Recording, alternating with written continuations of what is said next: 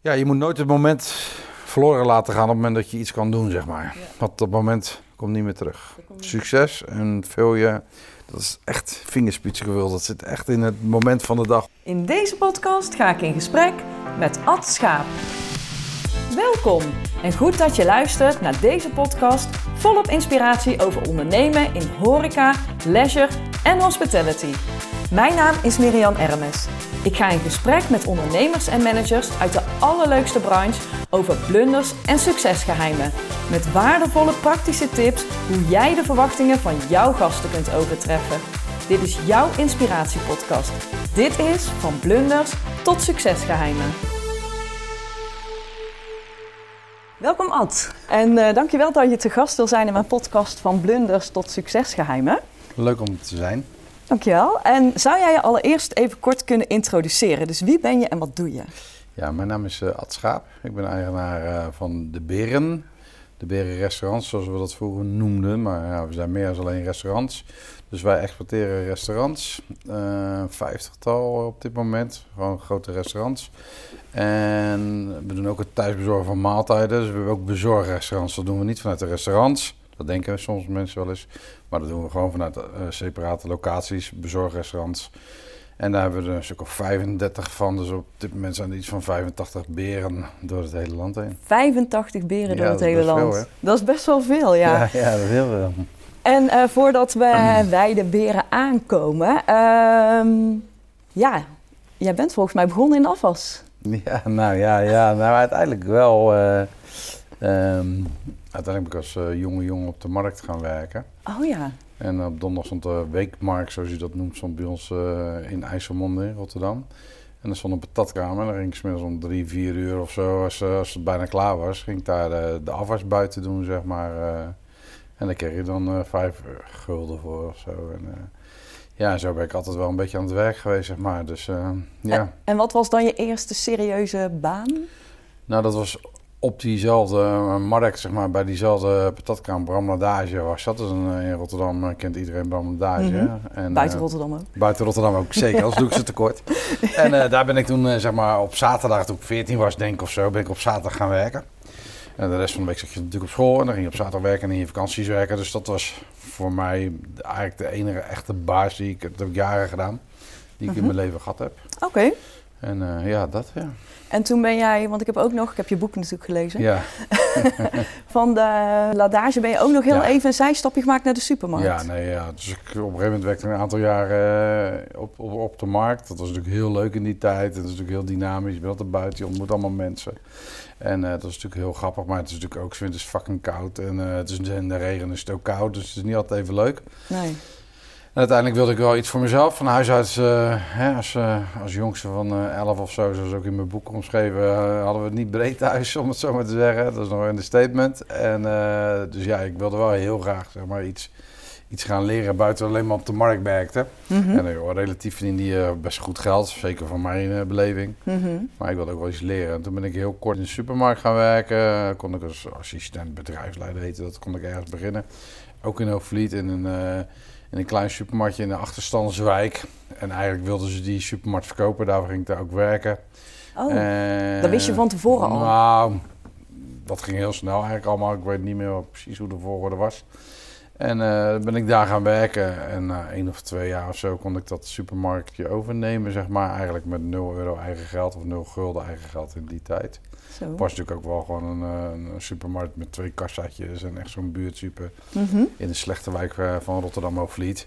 Okay. Dus het was nou niet zo dat ik gelijk een, een hele mooie winkel had of zo. Nee, nee. oké, okay, maar stapje voor stapje wel. Stapje voor stapje, ja. ja. Dus, uh, en daar leer je wel veel, want supermarkten is natuurlijk op zich complexe handel. Want je hebt heel veel uh, klanten, ik kan mm -hmm. gasten zeggen, maar dat zijn klanten bij de supermarkt. Je hebt heel veel klanten, je hebt heel veel goederen, dus je hebt heel veel artikelen. En, uh, en je hebt een grote geldstroom. In die tijd was het natuurlijk ook veel nog contant. Dus je hebt, je hebt natuurlijk ook bedrijven waar heel veel geld omgaat. Als je Ja. twee auto's in de week verkoopt, gaat er heel veel geld om. Maar heb je maar heel weinig klanten en heel weinig traffic natuurlijk. Maar Ja. levensmiddelen of retail hebben natuurlijk alle drie die aspecten. Ja, je hebt een hele grote dynamiek ook, Ja, zeggen. ja, ja, en in die tijd moest je ook veel uit je hoofd doen nog qua geld. En je, je eigen prijzen berekenen en zo. Dus je leert ook wel rekenen. Dus dat was wel een hele goede leerschool. Ja. En ehm, dus je wil zeggen, want jij hebt echt wel ook vanuit uh, de praktijk geleerd. Alles vanuit de praktijk, ja. Alles vanuit de praktijk gedaan en... Uiteindelijk heb ik nog mijn HAVO-diploma gehaald, maar ik was al twee keer afgekikt. En, uh, dus Wat zeg je, twee keer? Afgeschopt, zeg maar. Oh ja. Afgestuurd. ik ging nooit naar school. Daar heb ik nog steeds moeite mee met autoriteiten en in drukke omgevingen begeven. Dus, dus ik ben niet, uh, dus als ik in, de, in een uh, drukke winkel zou lopen, V&D of dat bestaat niet meer, maar dat soort zaken, dat, dan word ik heel onrustig en dan wil ik naar buiten. Oké. Dus dat, dus, dat zijn te veel prikkels voor mij. En dus ik vond school echt verschrikkelijk. Maar ja, mijn moeder werd toen ziek en die wilde heel graag nog dat ik mijn diploma haalde. Dus toen mocht ik terug op school komen, hoefde ik niet naar school, omdat ik ook voor mijn moeder moest zorgen. Dus toen deed ik alleen maar met tamens examens. Dus die heb ik toen gehaald. Dus uiteindelijk heb ik nog wel mijn haven. Ja, ja, ja, ja. En vanuit de supermarkt ben je... Nee, ben ik, uh, toen, toen na een jaar of zo, twee jaar, uh, zat er wat meer omzet in dat supermarktje. En zo kon ik een wat grotere supermarkt kopen in Numansdorp. Een compleet ander gebied als uh, Rotterdam. En omdat die groothandel, die steunt je daarin dan, zeg maar, zo'n... Zo. En die help je dan ook met de financiering. Okay. Dus toen, uh, toen heb ik die grotere supermarkt gekocht. Dat was natuurlijk een heel mooi gebied, een heel rustig, een dorp, uh, Numelsdorp. Kleine supermarkt weer verkocht. De, na een jaar zat een soort petit restaurant naast. Uh, er kwam te kopen. dacht ik, nou, als ik dat niet nabij koop, dan kan ik de supermarkt nog groter maken. Ah.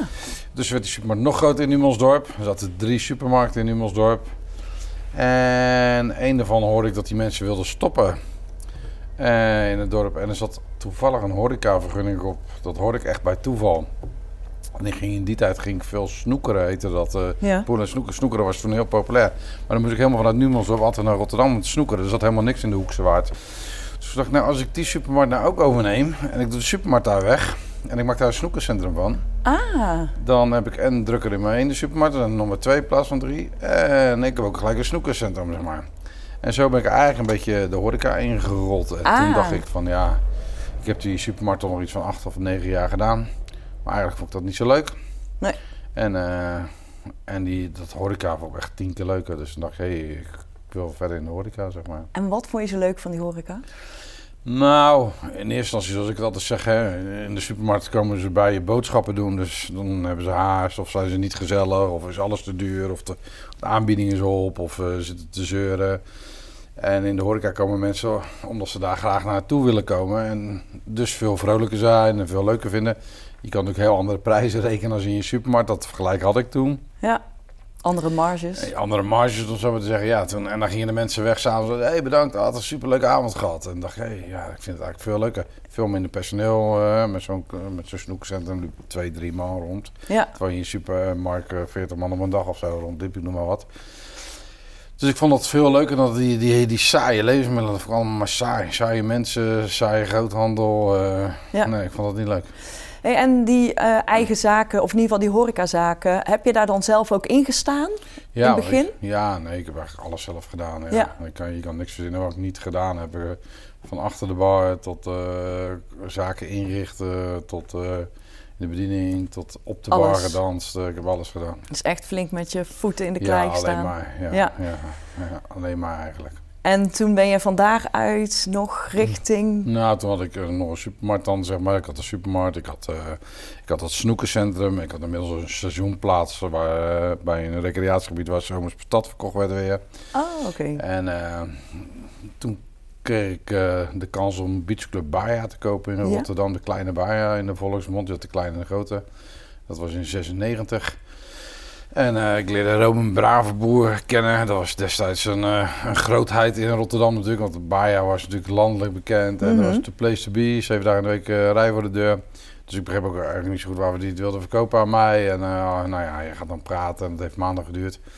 En uiteindelijk heb ik alles verkocht om een aanbetaling te kunnen doen op die kleine Baja, zeg maar. Ah, Dus toen ging ik van een redelijk stabiel leven in de supermarkt. In het dorp woonde ik ook. En ook het zoekcentrum zat in het dorp. Ging naar de grote stad, Rotterdam. Zeven dagen in de week. En eh, stond ik gewoon eh, vijf dagen in de week op de bar te dansen. En, ik eh, wou zeggen, werd iets... kort- eh, in mijn korte broek zo gewoon, eh ik, ik gewoon eh, mee te doen eh, met de shows. En eh, ja, dat was de boze grote wereld, zeg maar. ja, Ja, heel Maar erg naar je zin gehad. Ja, dat was echt eh, geweldig. En goed gedaan ook. uiteindelijk goed gedaan, maar het was wel, het was wel, er gebeuren ook minder leuke dingen natuurlijk in populaire zaken in de nacht. Hè. Je werkt iedere dag maar dus zeven dagen in de week portier staan. En, eh, Ja, dus ja, je maakt ook andere dingen mee natuurlijk. Maar een enorm goede leerschool ik had het nooit willen missen. nee, nee. Nee. En daarna kwam de beren. Ja, toen heb ik de, op enig moment ik de baai weer verkocht, omdat ik na drieënhalf jaar wel klaar was ermee. Zowel mentaal als fysiek was het wel, het was gewoon een zware tijd. En, Ja. eh, en eh, Want hoe oud was je in die tijd? ik was 32 toen ik in de baai stapte. Oké, Dus dan ben je nog wel, eh, dan kan je heel de wereld aan voor je gevoel. ja, ja. En eh ja, dan heb ik inmiddels een oude lul van 57. maar eh, ja, dat was 32 jaar. Ja, dan ben je natuurlijk... Maar goed, het, je leeft e- enorm in op je privé. Je was natuurlijk nooit meer thuis, zeven dagen in de week werken. En ik vind het leuk om te werken nog steeds. Dus ja, dat, dat was niet zo leuk voor mijn gezin natuurlijk. Ik was destijds getrouwd met twee kinderen. Die twee kinderen heb ik nog steeds. Ik ben ook weer getrouwd, maar niet meer met dezelfde. Maar niet meer met de eerste. Dus, eh, dus ja, en uiteindelijk was het klaar. Toen heb ik het weer teruggekocht aan, eh, aan Robin.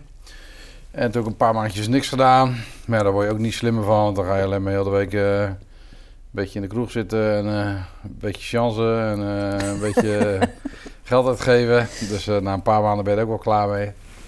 En de toenmalige eigenaar, Robert Kramwinkel van de Beren. Dat was een vriend van mij. En... die zeggen, nou, ben je niet komen komen kijken bij de beren? Misschien kunnen we samen iets doen of kan je me helpen? En eh, toen heb ik een paar maandjes heb ik mezelf verhuurd of heb ik meegelopen gewoon. Want ik had in principe geld zat. Geld zat, wat is geld zat? Maar ik ja, had Baja, eh, Baja verkocht, dus ik hoefde ja. me niet zo zorgen te maken. Nee. En eh, ja, toen vond ik het zo'n leuk bedrijf. Ik vond het al een leuk bedrijf van de buitenkant. Mhm. En eh, er viel zoveel eer aan te behalen om nog zoveel dingen te veranderen. Ja. Dat ik eh tegen Roop zei, nou, ik stap wel in. Toen ben ik begin 2000 of zo ingestapt. Ja. En wat heb je daar gelijk eh, gedaan dan? Want jij was dan meteen eigenaar, samen met ja, hem. Ja, was, ik heb maar voor een klein stukje ingekocht in het begin. Zoals we hebben het een beetje meer gedaan. Elke keer een beetje meer inkopen. En ehm, wat ik vooral gedaan heb, is gewoon mijn ervaring van, vooral vanuit de levensmiddelen. Ja. Een organisatie bouwen, een merk, weet je. We hadden, eh, dus, dus vooral dat, zeg maar, standaardisatie. Dus eh, zorgen dat eh, alles overal hetzelfde smaakt en alles hetzelfde kost en overal hetzelfde assortiment. Want hoeveel beren waren er toen? Vijf. Vijf. An- Allemaal in de buurt van Rotterdam? Ja, Rotterdam en Delft. Ja. En, eh, we noemden het toen nog eetcafés. En toen hadden ze allemaal nog dubbele namen. Dus je had Bruintjebeer, Bettybeer, Brutusbeer, Billybeer, Bruintjebeer. Dus dat waren echt eetcafés. Ja. Kleinere zaken. En zag jij toen al dat er heel veel eh Nou, de beren be- zouden kunnen nou, komen? nee, want niet zoveel als nu. Dat is natuurlijk ondenkbaar. En, maar ik zag wel de potentie van de beren. Het was wel een concept wat, wat heel goed lag. Mhm. En dus de basis, dat, dat was er gewoon al. En ehm, nee, maar ik weet nog wel wat eh, Robert en ik tegen elkaar zeiden. Nou, misschien hebben we later wel eh, twintig restaurants. Eh, nee, joh, dat kan niet, man. Twintig restaurants, hoe gaan we dat doen? En, en ik ben nog in 2011 eh, zijn Robert en ik uit elkaar gegaan. Eh, Robert, eh, ik zeg Robert, Robert. Ja. Zijn Robert en ik uit elkaar gegaan in 2011. Toen, eh, toen heb ik hem uitgekocht. En toen zei ik tegen mezelf, nou, als ik nou nog één keer de, de omzet kan verdubbelen, dan, dan stop ik ermee en dan verkoop ik het bedrijf. Oeh.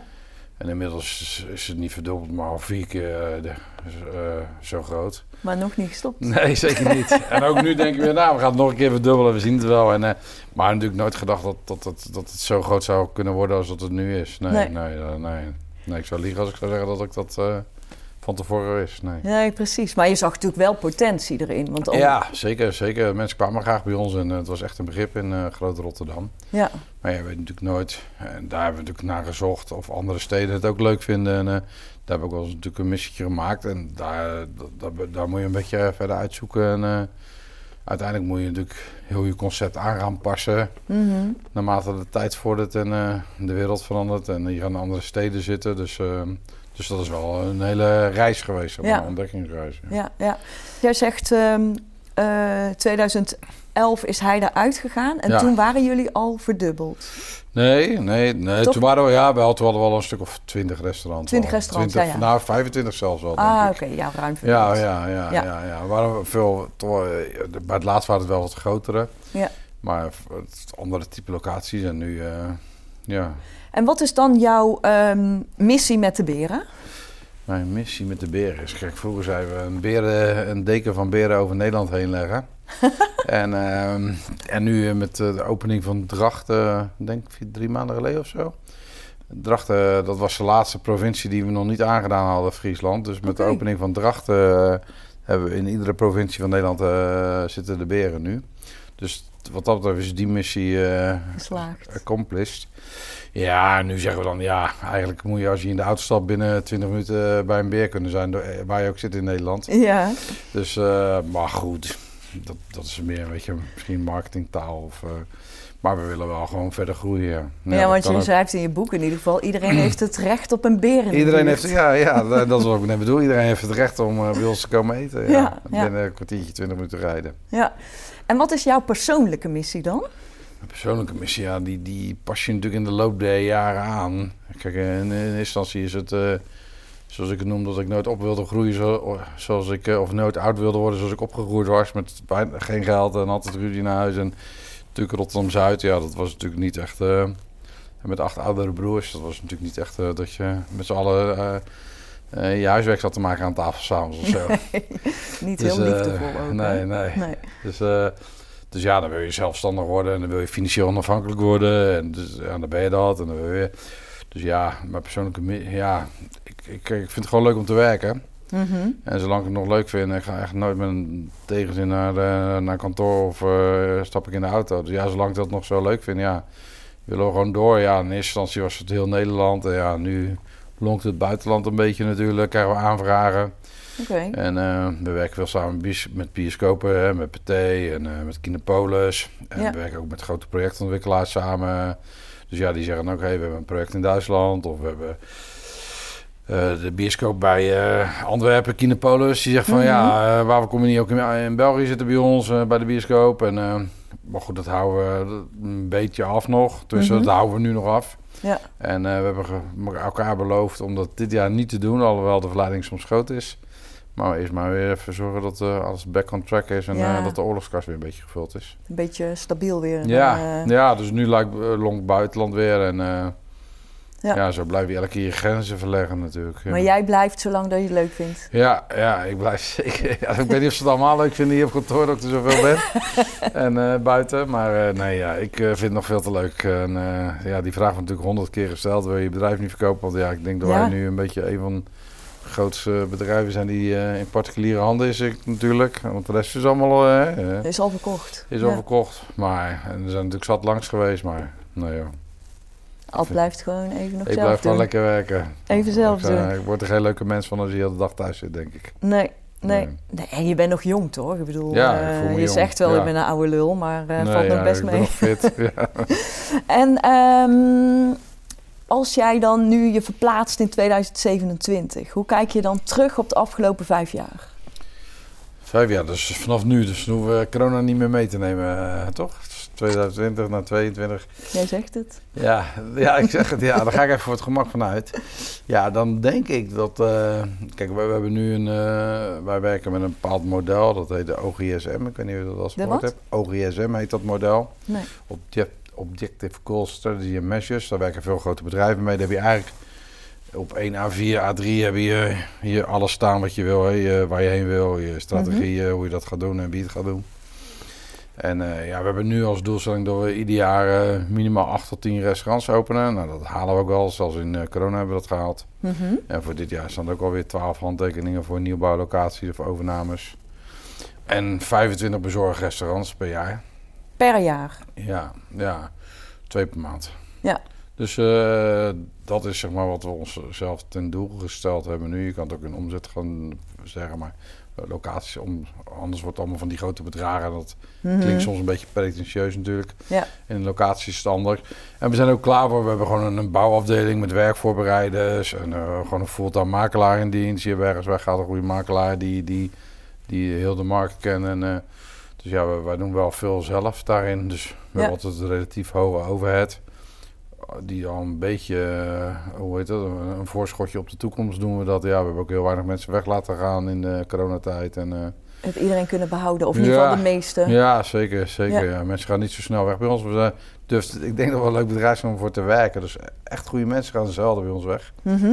Fijn. Dus eh, daar ben ik wel blij mee, ja. Maar je wil zeggen van, jij, eh, hè, je wil echt nog groeien de komende Ja. jaren. En, ehm, en je organisatie heb je daar eigenlijk helemaal op dus- ingericht om die groei te kunnen maken. ja, ja. En dan heb je het van makelaars tot aan bouwbedrijven, Bouwen, ja, maar ook je marketing. Werkvoorbereiders, marketing. We hebben maar ook franchise. ook franchise. We hebben twee fulltime recruiters. Dus die doen niks anders dan Mensen aannemen. Mensen oh ja, op zoek naar franchise-nemers.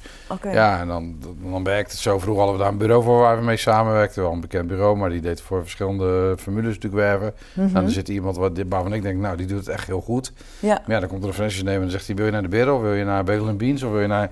Ik denk, ja, die moet nee, gewoon... moet naar de beren. Die, dus ik, die jongen moet gewoon voor mij komen werken. Ja. Ja, zo denk ik altijd. Als, dus als mensen ons ergens in ondersteunen of we halen zeg maar know-how in huis of specialisme. En ons bedrijf dan zo groot is dat we gewoon zelf het specialisme in huis kunnen halen. Ja, dan probeer ik gewoon in de markt zeg maar de, de beste voor ons daarin in te kopen. Ja, Dat is voor als je bedrijf wat groter wordt, dat je ook ja, andere salarissen kan betalen. En, eh, en daardoor moet je ook een beetje blijven groeien. Want heel veel van deze mensen die hier werken, die, die houden van die groeihonger, zoals we het in ons boek noemen, in mijn boek. ja. Ja, dus op het moment dat ik nu zeg, jongens, de komende vijf jaar doen we, gaan we geen vestigingen meer openen. ja, Ja, dan dan worden ze niet blij. Dan gaan de goede, denk ik, best wel veel mensen bij me weg. En eh, dan kan ik mijn overheid ook wel afslanken, zeg maar. En, eh, dus ja, we zijn Ja. altijd maar bezig met, met vernieuwingen op zoek. En onszelf, zoals ik dat noem, we blijven onszelf altijd uitdagen en prikkelen. En eh, onszelf op- opnieuw uitvinden. En ja, nu de afgelopen twee jaar is de wereld ook weer veranderd. Dus ja, je zal als Mhm. bedrijf ook moeten veranderen. Ja, en jij zegt ook van, je wil ook echt die mensen aan je verbinden. Die ze wil ook gewoon Ja. zelf in dienst ja, hebben. Ja, ja. Zodat ze echt Zodra die functie bij ons in te vullen is fulltime, Ja, dan wil ik hem liefst gewoon in huis hebben. ja, in plaats van inhuren. Ja. Ja, ja je, je wilt een bepaald bedrijfscultuur meegeven. Mhm. En eh, zo'n zo'n recruiter die alleen maar voor de werving en selectie van franchise-nemers is... Ja, die moet natuurlijk wel vol overtuiging... Hij kan niet vol overtuiging zeggen... Nou, dit is het allerbeste. Maar deze drie formules zijn ook nog heel goed. Ja, dat gaat natuurlijk niet. Nee, dus, nee, dan nee, moet. Hij, dus dan moet hij eigenlijk vol eh, alleen maar over de beren kunnen praten. Ja. En, eh, dus ja, dus, dus dat hebben we gewoon allemaal in huis. Ja, Ja. Inkoopafdeling met drie inkopers. eh, ja, het is, een relatief dure organisatie, maar daardoor kunnen we wel gewoon iedere week een restaurant openen of een bezorgrestaurant. En hoe heb jij, want je hebt sinds vorig jaar ook die bezorgrestaurants overgenomen, Ja, hè? want die waren eerst niet van jou. Nou, die waren eerst natuurlijk wel gewoon van het moederbedrijf. Mhm. En langzaam maar zeker hadden we die aandelen verkocht aan eh, Martijn Jansen, die werkte al bij ons. Ik vond toen die delivery niet zo leuk. Oh, daar zat het hem in. En toen zei ik, ja, koop jij die aandelen maar. En toen met, met het uitstappen van Robert Kramwinkel... toen hebben we bijna de rest ook heb ik aan, aan eh, Martijn Jansen verkocht. Uiteindelijk had hij 100% van dat bedrijf. Maar de naam De Beren was natuurlijk gewoon... Van jullie. Van, jou. ja, van Ja. mij van het moederbedrijf noem maar. Ja. Dat, anders klinkt allemaal zo Ja, ja. en eh, dus ja, eh, toen waren we al aan het praten van... tot het een beetje uit elkaar groeide. Mijn visie en zijn visie meer ook tot binnen de restaurants werd natuurlijk meer geld verdiend, waardoor we heel snel dingen konden ontwikkelen, ontwikkelen aanpassen. Eh, de Beer Academy had ik net al even genoemd, dus eigen opleidingscentrum. We doen nu ook gewoon met het eh, met eh, SVO, zeg ik het goed? Doen we MBO-opleidingen? SVO? nee, ja, gewoon eh, vakopleidingen van de horeca. Ja, SVH. Ja, SVH Ja. dan, sorry. En ehm, dus ja, daar hebben we gewoon interne MBO-opleidingen voor onze eigen mensen die we intern opleiden in samenwerking met hun en eh, dat soort dingen. Dus ja, de bezorg kon daar elke keer niet in meekomen, want die hadden minder budget natuurlijk, dus dat was ook niet altijd even eerlijk. En ja, op een gegeven moment Ja. groeide het een beetje uit elkaar, dus op een moment hebben we gezegd van nou, moet ik het niet, moet het allemaal weer niet één worden. Ja, toen kwam corona overheen, toen knalde hun omzetten omhoog en mijn ging naar nul. Toen werden we ook allebei, hij werd wel vrolijk, maar ik werd niet vrolijk. En eh, ja, toen werd die tegenstelling nog groter. Daar- Uiteindelijk zijn we gewoon aan tafel gegaan. En hij werkte al heel lang, heel zijn leven deed hij al beren bij wijze van spreken. En eh, ja, hij vond het ook tijd om een nieuwe uitdaging aan te gaan. En eh, uiteindelijk hebben we toen het bedrijf gewoon helemaal teruggekocht. Dus, dus dan hebben we, want het is nu gewoon één marketingafdeling. Vroeger had hij ook zijn eigen marketing en zijn eigen Ah, nu dit. is dat allemaal samen. en nu is het natuurlijk gewoon één bedrijf. Dus Ja. we, dat maakt het allemaal veel makkelijker. En, eh, En heb, ben jij inmiddels bezorgen wel leuk gaan vinden? ja, ik ben bezorger een stuk leuker gaan vinden. En- Ja, het, feit, het feit dat je je niet in verdiept, vind je het ook minder snel iets leuk natuurlijk toch? Hè? Want je, je kan Ja. iets niet leuk vinden totdat als ik eh, wel eens American voetbal zit te kijken, een stukje, denk ja, ik vind er niks aan. Maar ja, ik begrijp ook niet wat de spelregels zijn. Dus ja, hoe kan ik het dan leuk vinden? eh, Ja. toch? En dat is met zoiets ook. Dus die hele delivery markt is natuurlijk een enorme markt die gegroeid is, Ja. die alleen maar groter wordt. Dus Dus ja, nu, eh, nu vind ik het wel een stuk leuker. Ja. Buiten het feit dat het ook wel een hele snel groeiende tak is binnen het bedrijf. Ja, zeker, zeker. Hey, en Ad, ik zag ook dat je nu ehm, echt een hele nieuwe huisstijl hebt ontwikkeld. Ehm, totale andere look Ja. en feel. Ja, Ehm, betekent dat ook dat je daar in een andere richting op wil? Dat je wat... ja kijk, zo- zo'n bedrijf, hè, vroeger waren we echt eetcafés, waar we stond muziek hard. Er was een café waar je kon eten, want dat was in die tijd nieuw. Want je had restaurants en cafés heel vroeger. Mhm. Hè, we hadden een eetcafé, en, eh, maar het fenomeen eetcafé is langzaam uitgestorven.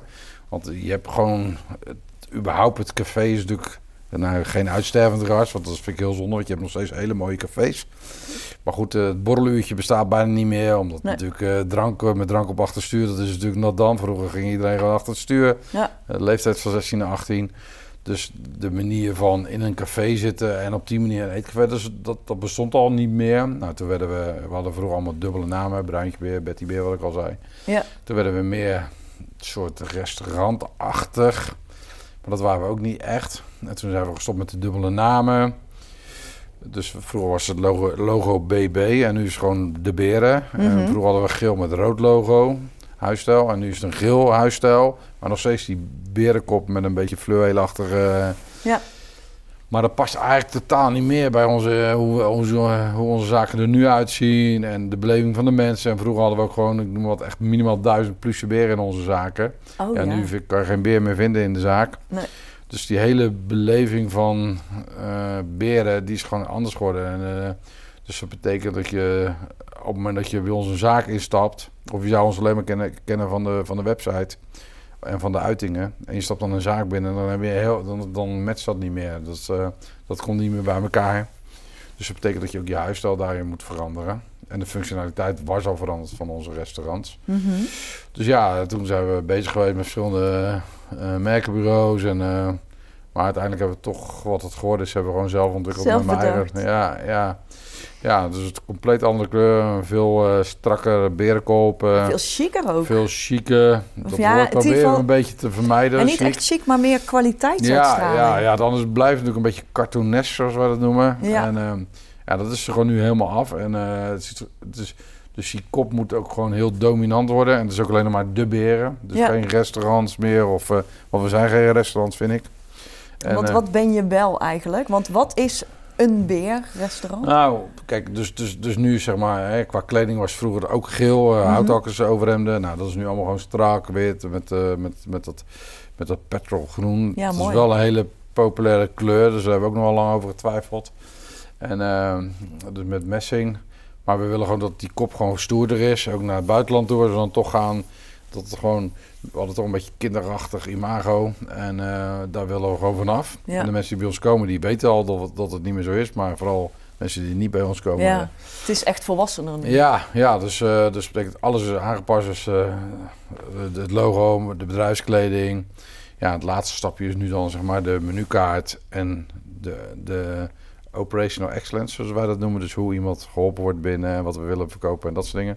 Dus dat is nu het laatste stapje dat we nog gaan veranderen. Ja. En eh, dus ja, wat is een beer? Een beer moet gewoon een plek zijn. Kijk, omdat we verschillende type locaties hebben, zowel in het centrum. Kijk, eh, bij Rotterdam-Zuid, naast de Pathé en naast de Kuip... Dat is de drukste paté van Nederland, eh, Rotterdam-Zuid. Die heeft geloof ik 1,8 miljoen bezoekers Wow. per jaar. Ja, die heeft een heel andere functie, die beer, dan de beer die in Zoetermeer zit aan, aan een hele mooie recreatieplas. ja. Of die in het centrum van Doetinchem zit. Of in, dus, dus ze hebben allemaal een beetje andere functie, afhankelijk van waar, de, waar, ze, waar ze gelokaliseerd zijn, zeg maar. Of, waar ze zitten. Dus daar proberen we een beetje op aan te passen. Dus, eh, dus ja, een beer is uiteindelijk gewoon waar je elk moment van de dag terecht moet kunnen. En waar je gewoon prettig vindt om te verblijven. En ja, die een beetje vervult aan je behoeftes. Of het dan lunch of borrel is of, of eh, diner. Of, dus we zitten ook eh, in centrums waar we tot 1 of 2 uur open zijn. Hoogveen hebben we een nachtfunctie met een DJ. Dus het is een beetje afhankelijk. Dus, dus we willen af van dat we in een hokje zitten. Ja. Dan we, naar, naar een restaurant ga je heen om te eten. En, eh, en, maar je kan voor, de wereld is veranderd. Dus mensen gaan voor heel veel meer andere redenen naar de horeca. Ja. Zeker na corona. Ja. Dan uit eten. Dus het is echt eigenlijk een plek waar je gewoon met vrienden, familie, wie dan ook, een leuke momenten Ja, hebt. ja. Ja. Natuurlijk is het diner blijft het zwaartepunt. Mhm. Maar we willen wel steeds meer omzetmomenten toevoegen aan het diner. Want ja, het diner zitten we sowieso altijd vol. Ja. Dus dan op een gegeven moment kan je daar niet meer omzet uithalen, zeg maar. Nee. En heb je ook zakelijke gasten? Ja, zeker. Ook helemaal afhankelijk van locatie. Daar waar je goed kan parkeren, goed aan kan rijden. En Ja. eh, daar hebben we zeker zakelijke gasten, ja. En eh, ja, je ziet gewoon... Kijk, soms eh, zijn er mensen die komen met hun collega's wel bij ons. En als ze met de vrouw gaan eten, gaan ze misschien naar een eh, ander segment eh, restaurant... waar ze 100 euro pp kwijt zijn. Ja. Maar als ze met hun zes vrienden komen, komen ze wel weer bij ons. En dus, dus, dus, dus we hebben wat dat betreft eh, veel verschillende persona's. Ja, veel gastengroepen inderdaad. En je zegt ook van ehm, de gasten zijn de ziel van je bedrijf. Dat vond ik echt een hele mooie. Nou ja, kijk, op het moment dat we dicht waren, dan, dan is gewoon heel snel de ziel uit zo'n bedrijf. Dan is het gewoon ja, een, eh, stuk inventaris, wat vaak ook nog een beetje muffig gaat ruiken. Een beetje verschaald bier of, of stinkt, of het wordt niet schoongemaakt en het is donker. Dus, dus ja, dan is het er heel vaak de ziel uit zo'n, heel snel zo'n ziel uit zo'n bedrijf. Hè. Dat is ook als je een overname doet en je komt in een zaak die al eh, een maand dicht is. Ja, Ja, ja, eh, het is, het is nee, ja, een zaak waar de lichten moeten branden, de muziek moet aan zijn, moet warm zijn. En eh, ja, dat zijn allemaal van die hele kleine dingetjes wat succes ook maken. Hè. De, de- hoe hoog het licht staat en hoe hard de muziek staat. Ja, dat zijn allemaal wel dingen die En- mensen vaak onderschatten. ja. En hoe zorg jij er dan voor dat al jouw mensen, zeg maar, of alle medewerkers van de beren, dat die ook die gast op één zetten? Ja, dat is natuurlijk heel moeilijk. Want Nederland is natuurlijk niet echt een eh, servicegericht eh, land natuurlijk. Het is een heel Calvinistisch land, heel eigenwijs. En, eh, en ja, nu helemaal. Je bekrapt op de arbeidsmarkt, dus je kan bijna al niet kritisch zijn. Mhm. Dus, je, dus je moet de mensen aan je binden. En ja, en dat is zoveel proberen, zoveel mogelijk tools mee te geven aan je mensen, waardoor ze zichzelf verzekerd voelen om hun werk goed te doen. Want ja, iemand wordt natuurlijk onzeker als hij, hij aan tafel moet en je weet eigenlijk niet, als je iets gaat vragen en je hebt geen antwoord, dan word je daar niet zeker van natuurlijk. Ja, En als je goed weet wat de rechten zijn en wat eh, die dag verkocht moet worden en je weet alles, dan sta je veel zelfverzekerd aan een tafel bij mensen dan, eh, dan, dan als je dat niet weet. Dus dat betekent dat we daar met onze Bera Academy onze mensen zoveel mogelijk mensen mogen alle type opleidingen bij ons doen. En we geven overal trainingen en we hebben natuurlijk een, eh, iemand die trainingen geeft. Echt een hele goede Michael die, die daar heel goed in is, zeg maar. En eh, die ook veel voor andere bedrijven en theatershows gehad heeft samen met eh, eh, mijn grote vriend. ga ik zo opkomen, een hele bekende. En dus ja, die, dat, heb je gewoon nodig in je bedrijf. Want het is Ja. eigenlijk, je medewerkers zijn eigenlijk je grootste werkkapitaal. En nu helemaal. Dus dan zeggen de mensen eigenlijk, ja, er zijn niet genoeg mensen en er is niet, genoeg werknemers of niet genoeg personeel. Dan zeg ik, nou, er is wel genoeg personeel, er is alleen niet genoeg personeel voor iedereen. ja, Dus we moeten zorgen dat ze bij ons willen werken en niet bij de buurman. ja. En eh, dus zeker voor franchise-nemers, ja, die zullen meer moeite moeten doen om, om die mensen aan zich te binden. Ja, want je, je hebt inderdaad veel franchise-nemers, maar de Beren Academy is voor iedereen, is toch? voor iedereen. Dat is Ja. gewoon een digitale omgeving. Dus dat, dat is een honderd modules in. Allemaal door ons gemaakt, dus niet eh, algemeen. Mhm. Dus van eh, tot je hoe je cappuccino moet zetten. Of eh, hoe je de vaatwasser moet schoonmaken. Of eh, hoe je op hoger niveau een slecht nieuwsgesprek moet doen. Of alles Ja, eigenlijk. alles, ja. ja, ja, want eh, dus, die, dus wa- wat je daarmee creëert is dat je allerlei modules hebt die mensen moeten of mogen maken. Want wat je vaak zag is dat ontwikkeling beperkt werd door de mensen om hun heen, zeg maar. Mhm. Dus stel voor, jij staat in de afwas en je wil heel graag naar de koude kant in de keuken. Maar jouw chef heeft helemaal geen zin of geen tijd om jou daar iets van te leren. Kan je toch gewoon die modules gaan maken en doen. En dan kan je zelf al heel veel dingen leren. Kan je dat op eigen initiatief ook doen? Ja, ja je moet wel, moet wel afgetekend worden elke keer. eh, maar je kan, eh, je kan alles doen. eh, maar het staat per functie open. Dus als je eh, ja. bij ons bedrijf komt, kan je niet al die...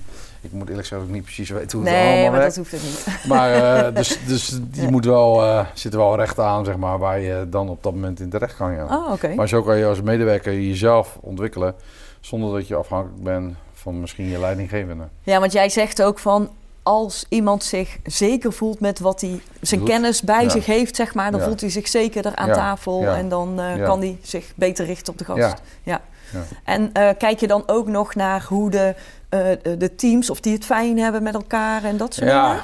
ja kijk, wie- wat, wij, wat we natuurlijk zien, ja, we hebben natuurlijk een HR-afdeling en ja, hoe noemen we dat, eh employer benefits en zo, dat soort Ja, eh, ellende ja. hebben wij natuurlijk ook allemaal. eh, Ja, dat, ik eh, waarin, En je ziet gewoon franchise-nemers die veel tijd in hun, of eigen zaken, die veel tijd in hun medewerkers steken, managers. Ja. Ja, die hebben vaak goede teams. Want kijk, de beste, je kan natuurlijk werven wat je wil, maar als je natuurlijk geen goede bedrijfscultuur hebt, gaat iedereen weg en dan blijf je natuurlijk op zoek. Ja. En de beste eh, werving is natuurlijk dat je me- medewerkers hebt die zeggen tegen hun vriendinnetje of tegen hun zusje, ja, je moet hier. je moet hier, het is echt gezellig, het is echt Ja. leuk onder elkaar. En ja, geld is daar ondergeschikt aan uiteindelijk. Want ik geloof echt niet, natuurlijk eh, de GGD die nu heel veel betaalt, er werken heel veel mensen. Mm, En eh, dat zal ook wel weer eindig zijn. ja, Maar ja, weet je, als je daar straks heel... gaan we niet meer testen en zo. Nee, maar als je daar de hele dag in zo'n koude tent zit... of je bent met je collega's en je doet na het werk nog een borrel... en je kan nog een beetje knipogen naar... want het zijn vaak generaties die allemaal nog een beetje eh, Ja, knipogen naar elkaar... dan is het toch, dan is dat toch leuker dan, eh, dan ergens in een, in een witte GGD-tent zitten, denk ik. ja, denk ik ook. Denk ik ook. Hey, en eh, Ad, waar ben jij het meest trots op? Waar ben ik het meest trots op?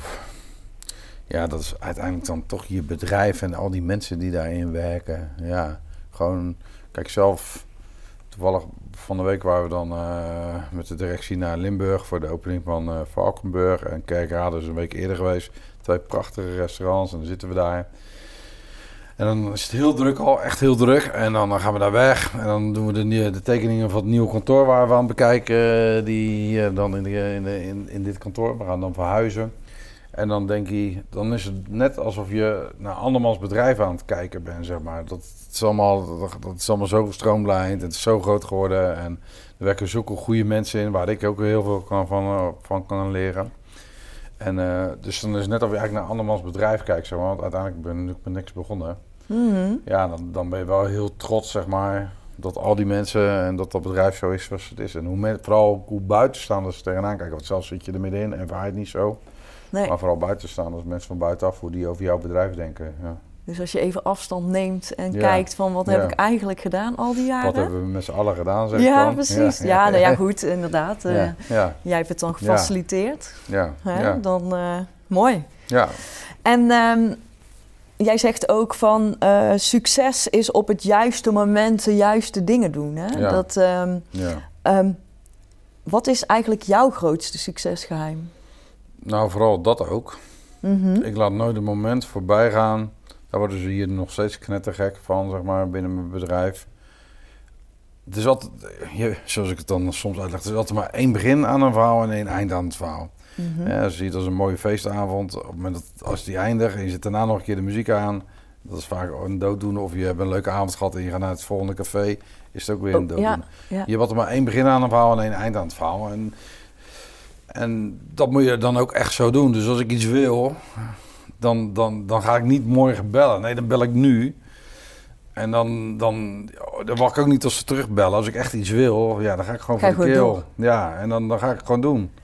En vroeger zei ik dan als mensen, ja, dat gaat, dat gaat niet of dat kan er niet. En dan zei ik, oh, je bedoelt jij het niet kan of jij gaat niet. Dus ik moet iemand zoeken die het wel kan of die wel gaat. Is dat, is dat nou wat je bedoelt te zeggen eigenlijk? Ja, ja, en dat is eigenlijk nog steeds zo. Ik zie heel veel mensen om me heen. Of met, eh, ik zie natuurlijk heel veel verschil in ondernemers, zowel binnen onze organisaties als buiten onze organisaties. Ja, en je hebt daar gewoon winnaars tussen zitten. Ja. Die, die wat ze ook gaan doen, altijd eh, geld zullen verdienen. En er zijn a- ook een groep bij die altijd maar zeggen dat het pech is en er tegen zit. En dat eh, die komt niet op dagen. En Ja. geen mensen krijgen. Jij hebt het makkelijk, zeggen ze tegen mij, want jij hebt heel veel goede mensen werken. Zeg ja, maar hoe zijn die mensen allemaal bij mij gekomen? En Ja. hoe zijn die mensen goed geworden? Denk je dat, dat, dat die mensen allemaal maar binnenlopen en dat ze van zichzelf goed zijn? Nee, dat kost veel tijd en energie. En, eh, ja, je moet nooit het moment verloren laten gaan op het moment dat je iets kan doen, zeg maar. Ja. Want dat moment komt niet meer terug. Meer. Succes en veel je, dat is echt vingerspitsengewild. Dat zit echt in het moment van de dag. Of het dan een tafel is die eh, weg wil eh, lopen. Of als je een leuke groep hebt en je denkt, nou, ze gaan afrekenen. En dan geef je nog even een shotje, een rondje. En dan lopen nog even, hey, heb je het leuk? En eh, dan hou je weer even een half uurtje binnen.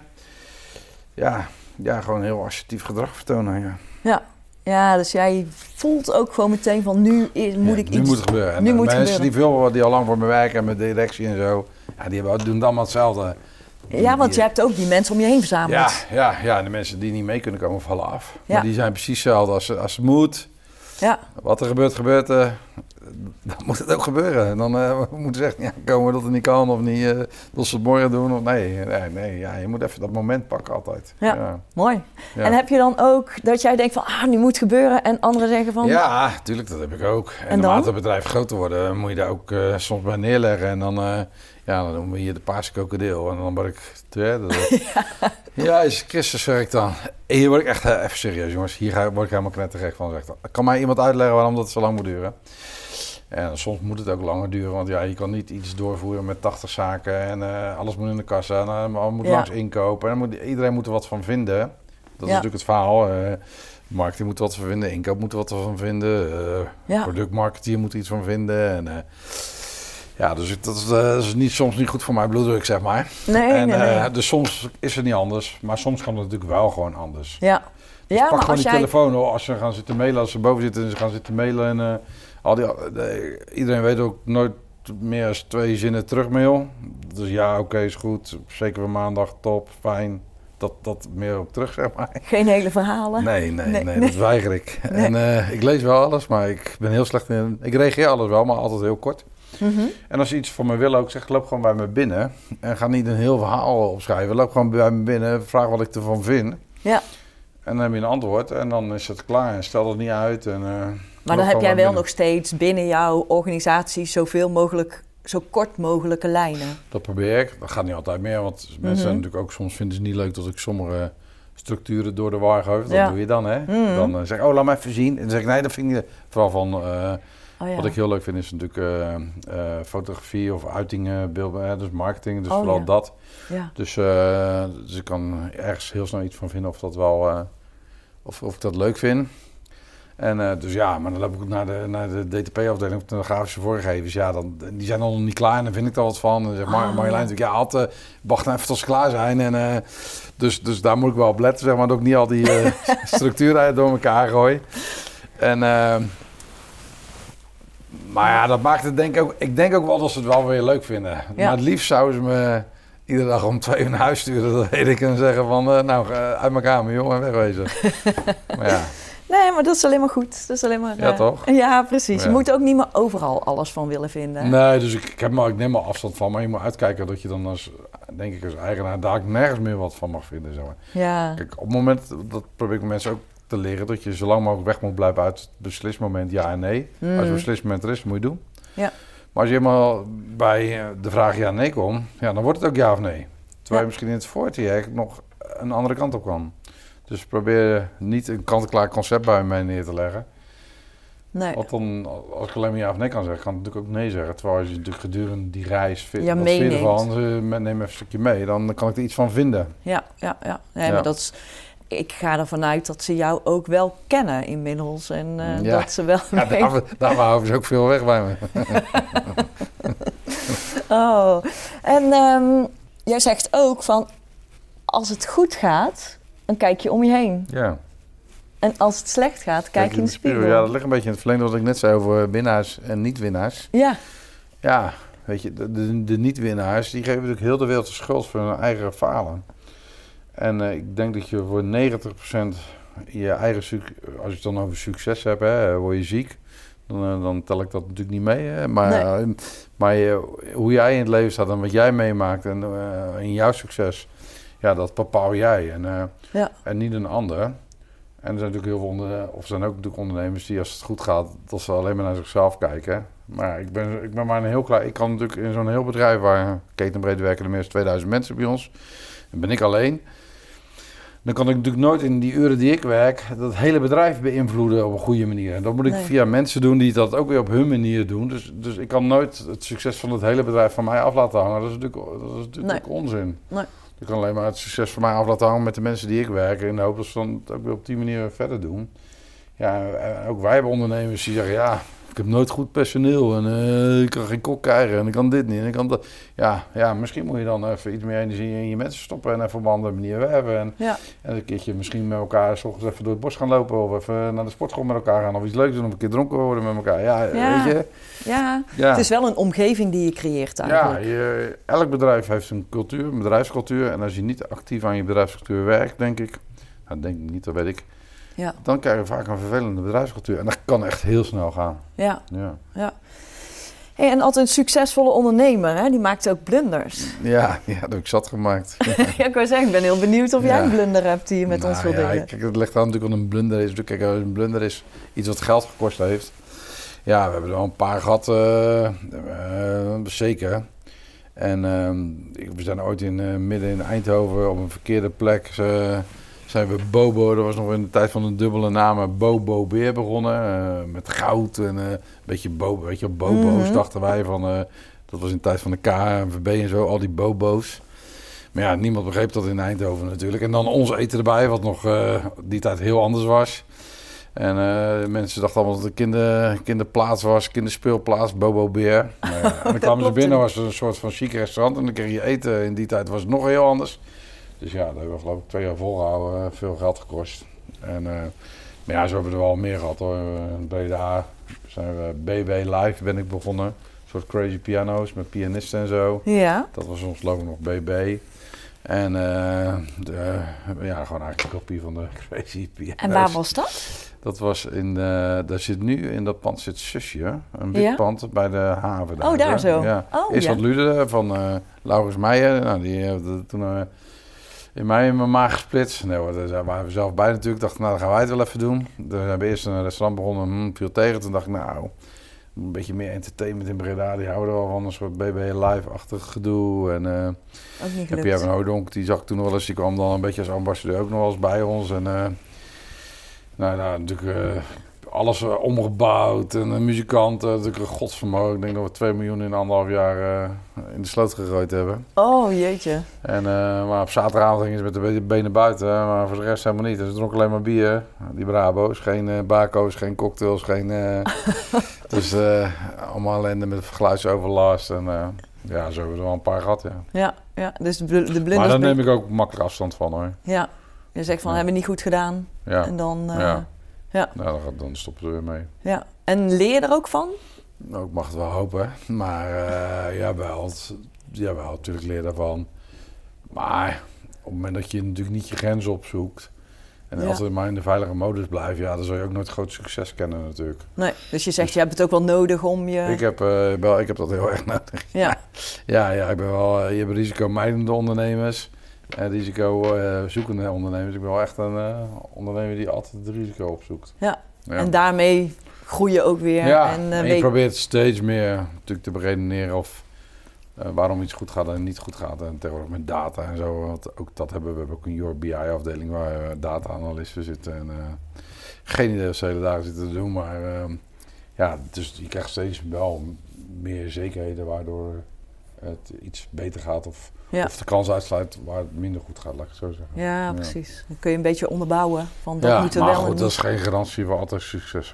Nee, want als jij bedenkt van ik wil dit daar, dan komt dan die dataafdeling en zegt van ja, ik zou het nou, niet doen. De bezorg wel, want de bezorg is heel data gedreven. Ah, oké. En, eh, en, en restaurants is heel locatie gedreven. Hm. Dus ja, dan moet je gewoon ook echt veel gevoel bij de locatie hebben en eh, van de omgeving. En, eh, ja. Ja. En heb jij een voorbeeld? Wie is jouw grote voorbeeld? Nou, ik heb, als, ik, als ik dan zeg maar naar mijn bedrijf kijk, dan eh, spiegel ik me altijd aan eh, hoe die dat ook doen. Zo'n hele transitie van de valk, zeg maar, die heb ik altijd wel. eh, Mhm. hè, die zijn ook van een heel oudbollig imago naar, naar echt een prachtig hotel. Ja. En die veroveren stiekem natuurlijk toch heel Nederland. Ja.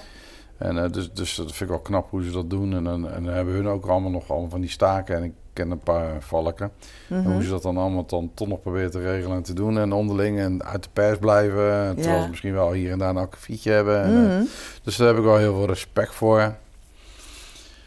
En als ondernemer, ja, dat klinkt heel gek, maar ja, dat heb ik dat niet zo. Nee. Dat wil niet zeggen dat ik andere ondernemers niet kan waarderen. Of wat ik dan heel goed vind aan ondernemers.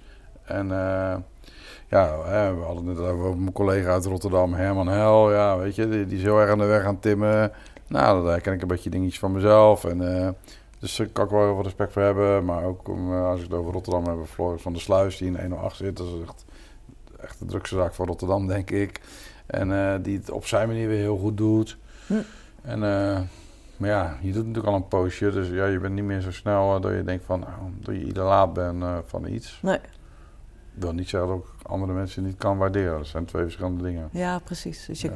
En je zegt ook van als je dan, dan is het wel ook nog vaak een Rotterdammer of zo waar je dan... Ja, omdat hier dan toch je roots ligt, zeg maar. Ja. En, eh, ja, en eh, dat heb je natuurlijk niet... eh, dat heb je dan niet, zeg maar, door de rest van Nederland. Nee, Nee. Ja, ik ken natuurlijk wel veel ondernemers. En de een ken ik als persoon dan. Want, ik zit natuurlijk in allerlei overleggen met waar grote ondernemers in zitten. Ja, En met de grote ondernemers, ondernemers met grotere bedrijven.